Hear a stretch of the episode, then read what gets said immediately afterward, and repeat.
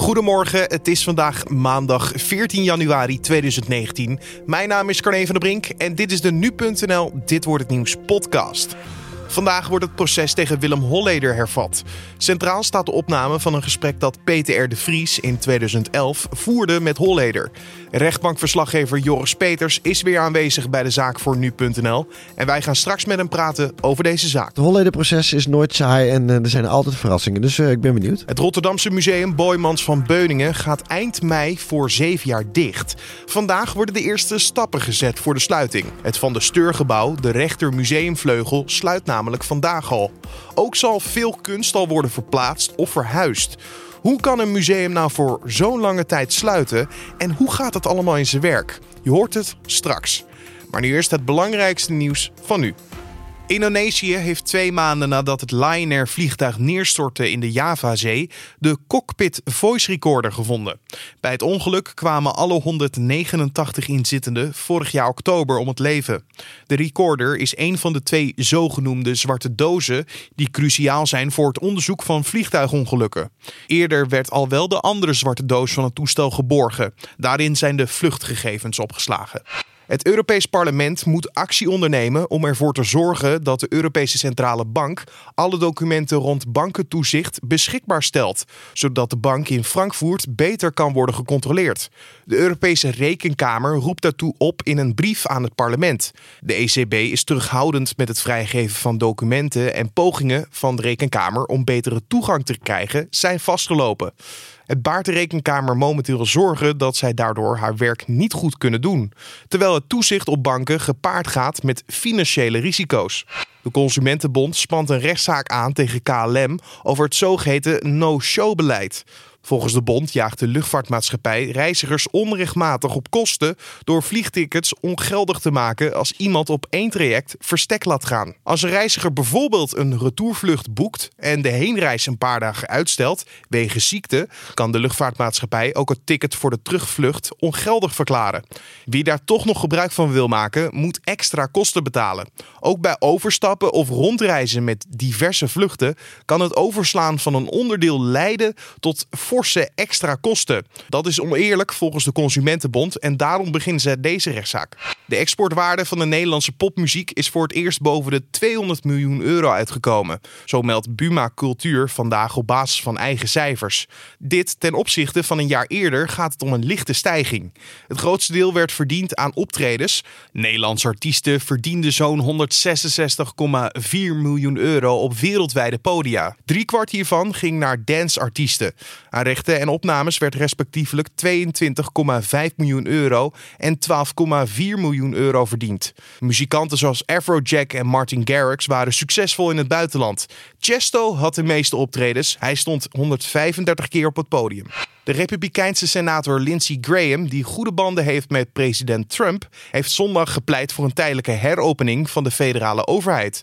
Een onderbreking van de shutdown zou benut kunnen worden om tot overeenstemming te komen met de Democraten over de financiering van de door Trump gewenste grensmuur bij Mexico.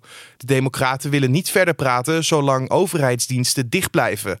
Trump weigerde op 21 december een voorlopige begrotingswet te tekenen, omdat daarin niet de door hem gewenste 5,7 miljard dollar voor een grensmuur in voorkwam.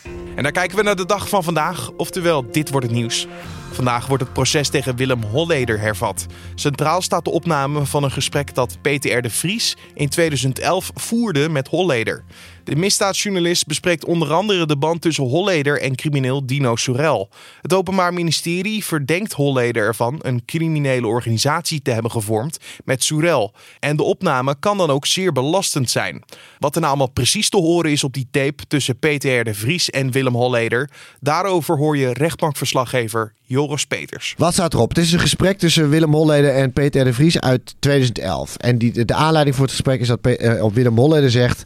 Ik word bedreigd door uh, de advocaten van, uh, van Sorel. En eigenlijk vrees ik ook voor mijn leven. En dat zou, die dreiging zou dan weer van Sorel afkomen. Dus ik ga een gesprek met Peter de Vries. En waar hebben ze dan onder andere over? Nou, en dat gaat onder andere over de samenwerking tussen Soerel en Holleder. Ik bedoel, ze worden gezien als onderdeel van een crimineel uh, driemanschap, waar ook Stanley Hillis bij zou zitten. Nou, Holleder zou daar onder andere over uitweiden en zeggen dat hij inderdaad met die twee heeft samengewerkt. Bijvoorbeeld bij het, het, nou laat ik het, ja, ik noem het afpersen van Willem Enstra, want daar is hij ook voor veroordeeld. Alleen Holleder noemt dat zelf iets anders. Hij noemt dat gewoon het terugkrijgen van zijn investering die hij bij de zakenman uh, heeft gedaan. En dat is gewoon eigenlijk het belangrijkste punt toch wel wat, wat erop staat. Ja, de belangrijkste vraag is natuurlijk 2011 zei je de opname. Ja. Het is nu 2019. Ja. Waarom is de opname nu naar buiten gekomen? Nou ja, kijk, Peter de Vries heeft eigenlijk een afspraak met gemaakt met Holleden om dit nooit naar buiten te brengen. De afspraak was als uh, Holleden een onnatuurlijke dood zou sterven, dan zou, dan zou de Vries het naar buiten mogen brengen. Um, dus dat is eigenlijk altijd in zijn la blijven liggen. Totdat het proces nu is begonnen. En de Vries uh, zelf zegt. Ja, dit, dit is een afspraak met een man die, die mij zelf met de dood heeft bedreigd. Die mij beschuldigt van mijnheid in de rechtszaal. En ik zou je eigenlijk mee de rechtsorde belemmeren. Dus ik kies ervoor om dat nu toch dan naar buiten te brengen. Ja, het is een optelsom inderdaad. Ja. En iemand die zich misschien door deze opname ook sterker voelt. Dat is natuurlijk Astrid Holleder. Ja. Um, want dit is voor haar misschien een, een zegen. Nou ja, kijk, ik denk dat ze het zelf nog niet eens zo zou zien. Maar het is wel een bevestiging van haar verhaal. In ieder geval een deel van haar verhaal. Bijvoorbeeld Holleder zegt ook op die opname... dat hij op cryptische wijze informatie heeft doorgegeven aan zijn familieleden... vanuit de gevangenis. Nou, daarvan zegt Astrid van, zegt eigenlijk dat al heel lang dat dat is gebeurd. Dus zij zal daar wel een bevestiging in zien... Uh, maar ik heb Astrid ook heel vaak in de, in, in de rechtszaak horen zeggen van... ja, weet je, ik, ik weet dat dit klopt. Dus dat, weet je, dit is niet echt een bevestiging van haar. Ze zal het wel prettig vinden omdat het nu ook uit ja. een andere hoek komt. Maar het is um, misschien ook meer voor de rechtbank, weet je wel. Een, een verhaal van één Zeker. kant, dat is natuurlijk al heel Ja, veel. ja. Maar als het van meerdere kanten komt... Ja, dan- ja. kijk, Holleden heeft hij zelf altijd en over willen zwijgen. Hij heeft zich altijd op zijn zwijgrecht beroepen in, in, in de rechtszaal. En daarbij zegt hij ook over heel veel dingen dat het niet is gebeurd. Nou ja, nu, dat, dat lijkt nu toch wel tegenovergestelde te zijn. Ja, maar moeten we deze opname dan zien als het laatste ontbrekende puzzelstukje? Of maken we het dan eigenlijk ook weer te groot? Ja, dat, dat gaat me te ver. Het is belastend, maar het is vooral belastend. Kijk, Willem Holleder wordt naast de liquidatie waarin van wordt verdacht, wordt hij ook verdacht van deelname aan een criminele organisatie. Nou, daar is deze opname zeer, zeer, zeer belastend voor. Eh, maar als het gaat om de moorden, die worden niet besproken. Hij zegt niet op die tapes van, klopt, ik heb die en die vermoord. Dus wat dat betreft blijft er gewoon nog heel veel open. En dan is er ook nog eens een keer het feit... waarom denk je dat Holleder zich heeft laten verleiden... om de uitspraken te doen die hij heeft gedaan tegen Ja. een journalist? Ja, ja, ja, dat is een goede vraag. We, hè, we kennen Holleder als iemand die zeer op zijn hoede is en, en, en, en altijd in codetaal sprak. Ehm, en nu laat hij zich vrijwillig opnemen door een journalist. Ja, zoals hij het zelf verklaart, is omdat hij zich zo bedreigd voelde dat hij geen andere uitweg zag dan dit verhaal op te nemen. Als een soort codicil heeft hij het zelf omschreven. Van mocht ik een onnatuurlijke dood sterven, dan is hier waarschijnlijk, ligt hier het antwoord. En breng het dan maar naar buiten. Ja, het, het is ook een andere periode. Hè? Het is 2011. Hij heeft lang, eh, is lang goed omgegaan met de Vries en vertrouwde hem daar blijkbaar in. Ja, en een paar dagen na het nieuws van de nieuwe opname kwam het bericht dat de deken van de Amsterdamse Orde van Advocaten onderzoek gaat doen naar het optreden van de advocaat in het proces tegen Willem Holleder. Ja. Wat moet ik me bij dat onderzoek Ja, je moet je inderdaad, we, eh, dit gaat om de, eh, de advocaat van toen, uit 2011, dat is Stijn Franke. En het gaat om de andere kant, om Benedict Fiek. Het gaat om twee dingen, wil hij weten. De ene kant is natuurlijk de, de bedreiging die er zou zijn geuit door Fiek. Die zij stellig ontkent. Eh, maar door Franke blijkbaar wel zo is ervaren. En het tweede ding wat hij gaat onderzoeken is het gebruik van die geheimhouderslijn, een advocaattelefoon. En je moet dat zo zien, dat is een telefoon op het kantoor van de advocaat. En eh, die mag met zijn cliënt bellen. En dat is geheim. Hè? Dat, mag, dat mag niet afgeluisterd worden. Dat, dat valt onder de geheimhouding. Nu heeft alleen Franke deze telefoon ter beschikking gesteld aan een journalist.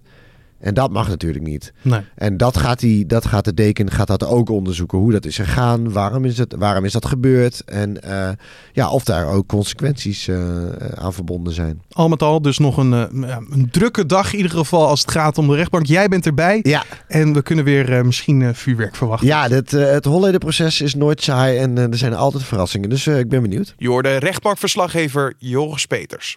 Het Rotterdamse museum Boymans van Beuningen gaat eind mei voor zeven jaar dicht. Het Van de Steurgebouw, de Rechtermuseumvleugel, sluit vandaag al. Ook zal veel kunst al worden verplaatst of verhuisd. Hoe kan een museum nou eigenlijk voor zo'n lange tijd sluiten? En hoe gaat dat in zijn werk? Dat vroegen wij aan Ina Klaassen, zakelijk directeur van Boymans van Beuningen. Want de totale verbouwing gaat zeven jaar duren. En in totaal kost deze operatie 223 miljoen euro. Maar wat moet er allemaal gebeuren aan het museum? Nou, het museum is eigenlijk technisch helemaal aan zijn eind. Um, en dat betekent dat alle installaties en zo eigenlijk uh, ermee ophouden zo ongeveer. En dat is eigenlijk zover gekomen omdat we heel lang geen groot onderhoud hebben kunnen plegen. Omdat het hele gebouw ook vol zit met asbest. En die asbest zit in de luchtkanalen en overal in de muren. En dat betekent dat op het moment dat je gaat renoveren of groot onderhoud plegen, dat je ook echt alles moet gaan aanpakken. Um, uh, en dus ook eerst moet gaan saneren. Dus wat we eerst gaan doen is alle asbest eruit halen. Vervolgens gaan we ook alle klimaatinstallaties en andere luchtbehandelingsinstallaties vervangen. Maar alle kozijnen zijn ook rot, die moeten allemaal vervangen worden. Er moeten isoleren, uh, we moeten alles isoleren. Uh, er zal nieuwe verlichting ingehangen worden. Um, uh, de daken moeten dichtgemaakt worden, want die, daar is veel lekkage. de hele elektra-installatie wordt ook vervangen. Kortom, um, nou ja, alles wat er vervangen kan worden of ja. vernieuwd, dat wordt ook gedaan. Ja, zat het al eigenlijk lang in de pijpleiding? Of was het gewoon, oké, okay, we komen er nu achter, bijvoorbeeld de asbest hebben we gevonden, we moeten het nu gaan ondernemen? Nee hoor, dit wisten we al heel erg lang. Eigenlijk toen het museum in 2006 is verstand, verzelfstandigd, uh, werd het al duidelijk dat er een grote achterstalligheid van het onderhoud was en dat er asbest in zat dat zou moeten worden verwijderd. Alleen omdat die operatie zo gigantisch groot en kostbaar was, uh, hebben we daar met z'n allen behoorlijk lang tegen aangehikt. En we hebben ook diverse scenario's in de afgelopen jaren ontwikkeld waarin we dachten dat we het of gedeeltelijk of gefaseerd of anders zouden kunnen aanpakken. Maar uiteindelijk bleek telkens weer dat dat een ja, zeg maar pennywise pound foolish oplossing zou zijn. En dat je een stukje zou doen, maar dat je tien jaar later alweer zou moeten gaan. En dan verbouwen om alles goed te krijgen. Dat betekent eigenlijk dat je in een soort permanent proces van open en dicht gaan zou zitten. Wat, wat het museum ook geen goed doet. En dus uiteindelijk hebben we gezegd, waarschijnlijk is het toch de beste oplossing om alles in één keer te doen. In één keer aan te pakken. En dan weer al zo grondig dat het ook voor de eerstkomende, weet ik veel, 30, 40 jaar, misschien wel 100 jaar gewoon goed is. Maar daarbij is natuurlijk wel de deuren dicht doen. Ja, dat, dat is nog best makkelijk. Dat kan. Maar je hebt natuurlijk met een enorme kunstcollectie te maken. Hoe moeilijk is het om zo'n verhuisoperatie, want jullie gaan alle kunst verhuizen, mm -hmm. uh, te ondernemen? Dat is uh, vrij heftig. Uh, alles moet natuurlijk ingepakt worden. En wat er op zaal hangt, is natuurlijk ook het top van de collectie. De top van de collectie uh, vergt over het algemeen de meeste aandacht eigenlijk. En de meeste veiligheidseisen bij het transport. Dat betekent dat er allerlei klimaatkisten moeten komen. En dat het getransporteerd moet worden in speciale vrachtwagens. En dat er alleen mensen uh, mogen inpakken en doen die gewend zijn of gediplomeerd zijn om uh, met kunst om te gaan. En het moet uh, getransporteerd worden naar um, depots die aan alle museale eisen voldoen. Dus er komt heel wat bij kijken. In zowel logistieke zin als in financiële zin om dat te doen. Ja, want wat gaat er gebeuren met de kunst? Nou, we, we, gaan natuurlijk het museum wel dichtgooien, maar de collectie gaat niet dicht. Natuurlijk gaat in eerste instantie een grootste deel van het werk naar een depot. Maar dat wil niet zeggen dat het niet meer te zien is in de komende jaren. Dus wat we doen is uh, bijvoorbeeld internationale tentoonstellingen maken. We, uh, per jaar is, lenen we meestal zo'n 500 werken of soms meer uit aan internationale musea. Dat gaat gewoon door. Dus we zijn over de hele wereld gewoon te zien. Uh, we hebben in de komende twee jaar ook een plan voor um, um, uh, collecties tonen bij de buren. Dus we hebben collega musea gevraagd om onder meer met onze collectie uh, een programma te maken. Dus dat zal van het ene museum naar het andere museum overspringen. En zo zie je op heel veel verschillende plekken de collectie van Boymans nog. Uh, Ten slotte brengen we ook kunst naar de klas. Want we willen niet dat er een generatie Rotterdamse kinderen opgroeit die de collectie van de stad niet meer kunnen zien. Dus we brengen ook gewoon kunstwerken daadwerkelijk naar de scholen toe. En uh, tenslotte proberen we ook op Zuid nog een uh, dependance te ontwikkelen voor een paar jaar. waarin we ook kunst kunnen laten zien. En tenslotte in 2021 gaat het eerste publieke depot ter wereld, wat we naast het museum bouwen, weer open. En dan is de volledige, de volledige collectie daar ook weer te zien. Ja, dus nog even twee jaar en dan, dan kan je wel alles gerust zien. Ja. Uh, dan wel in een depot. Uh, maar ik vraag me dan altijd gelijk af de grootste vraag. Hoe kan een museum het zich nou financieel veroorloven om zeven jaar dicht te gaan? Nou, dat, dat is ook niet eenvoudig. Uh, we hebben natuurlijk een uh, royale bijdrage van de gemeente Rotterdam, die als eigenaar van het gebouw en de collectie uh, dat subsidieert. En dat is ongeveer de helft van onze begroting. De andere helft verdienen we zelf. En in de komende jaren is het natuurlijk niet zo dat we niks te doen hebben. We moeten gewoon wel de collectie blijven beheren. We moeten wel tentoonstellingen maken, ook al is het op alternatieve locaties. Maar we hebben nauwelijks inkomsten daaruit. Dat zijn, uh, en, en dat maakt dat je wel een beetje moet puzzelen om dat goed te krijgen. Aan de andere kant, je hebt natuurlijk geen huur van het gebouw. Dat is natuurlijk een groot deel van je begroting. Ja. En het flexibele deel van onze personele organisatie. Uh, um, dat uh, krijgt geen contractverlenging. Uh, dus het zijn de mensen met de korte contracten. En zo bespaar je ook een groot deel op de personele last. En zo maak je die begroting rond. Ja, maar eerst is het de beurt dus aan de Van der Steur vleugel, het Van der Steurgebouw, de rechtermuseumvleugel, die gaat vandaag dicht. In ja. mei gaat pas het hele pand dicht, het hele museum. Uh, zullen de komende maanden aanvoelen als een ja, afscheidsroute, een afscheidsstrip? Ja, we hebben uh, een, natuurlijk wel nog geweldig programma staan. Maar ja, als je delen van je gebouw gaat dicht doen, dan, dan voelt dat inderdaad als langzaam maar zeker echt afscheid nemen van je gebouw. En dat het ja, de laatste tentoonstelling, de laatste opening, de laatste sluiting. Het is allemaal de laatste. Dus het, ja, dat, ja, dat is een hele vreemde situatie om in te zitten, inderdaad. Je Ina Klaassen, zakelijk directeur van het museum Boymans van Beuningen. Voetballer Cristiano Ronaldo staat vandaag voor de Spaanse rechter. Hij wordt ervan verdacht tussen 2011 en 2014 fraude te hebben gepleegd. Volgens de Spaanse aanklagers ontdook Ronaldo belastingen voor een totaalsom van 14,7 miljoen. De Spaanse aanklager spreekt van een doelgerichte en stelselmatige ontduiking. Ronaldo heeft al gezegd dat hij niet aanwezig zal zijn bij de rechtbank. Vandaag begint een grote strafzaak tegen een groep mannen die verdacht worden van het telen van wiet, de verkoop van softdrugs en het witwassen van de opbrengsten daarvan.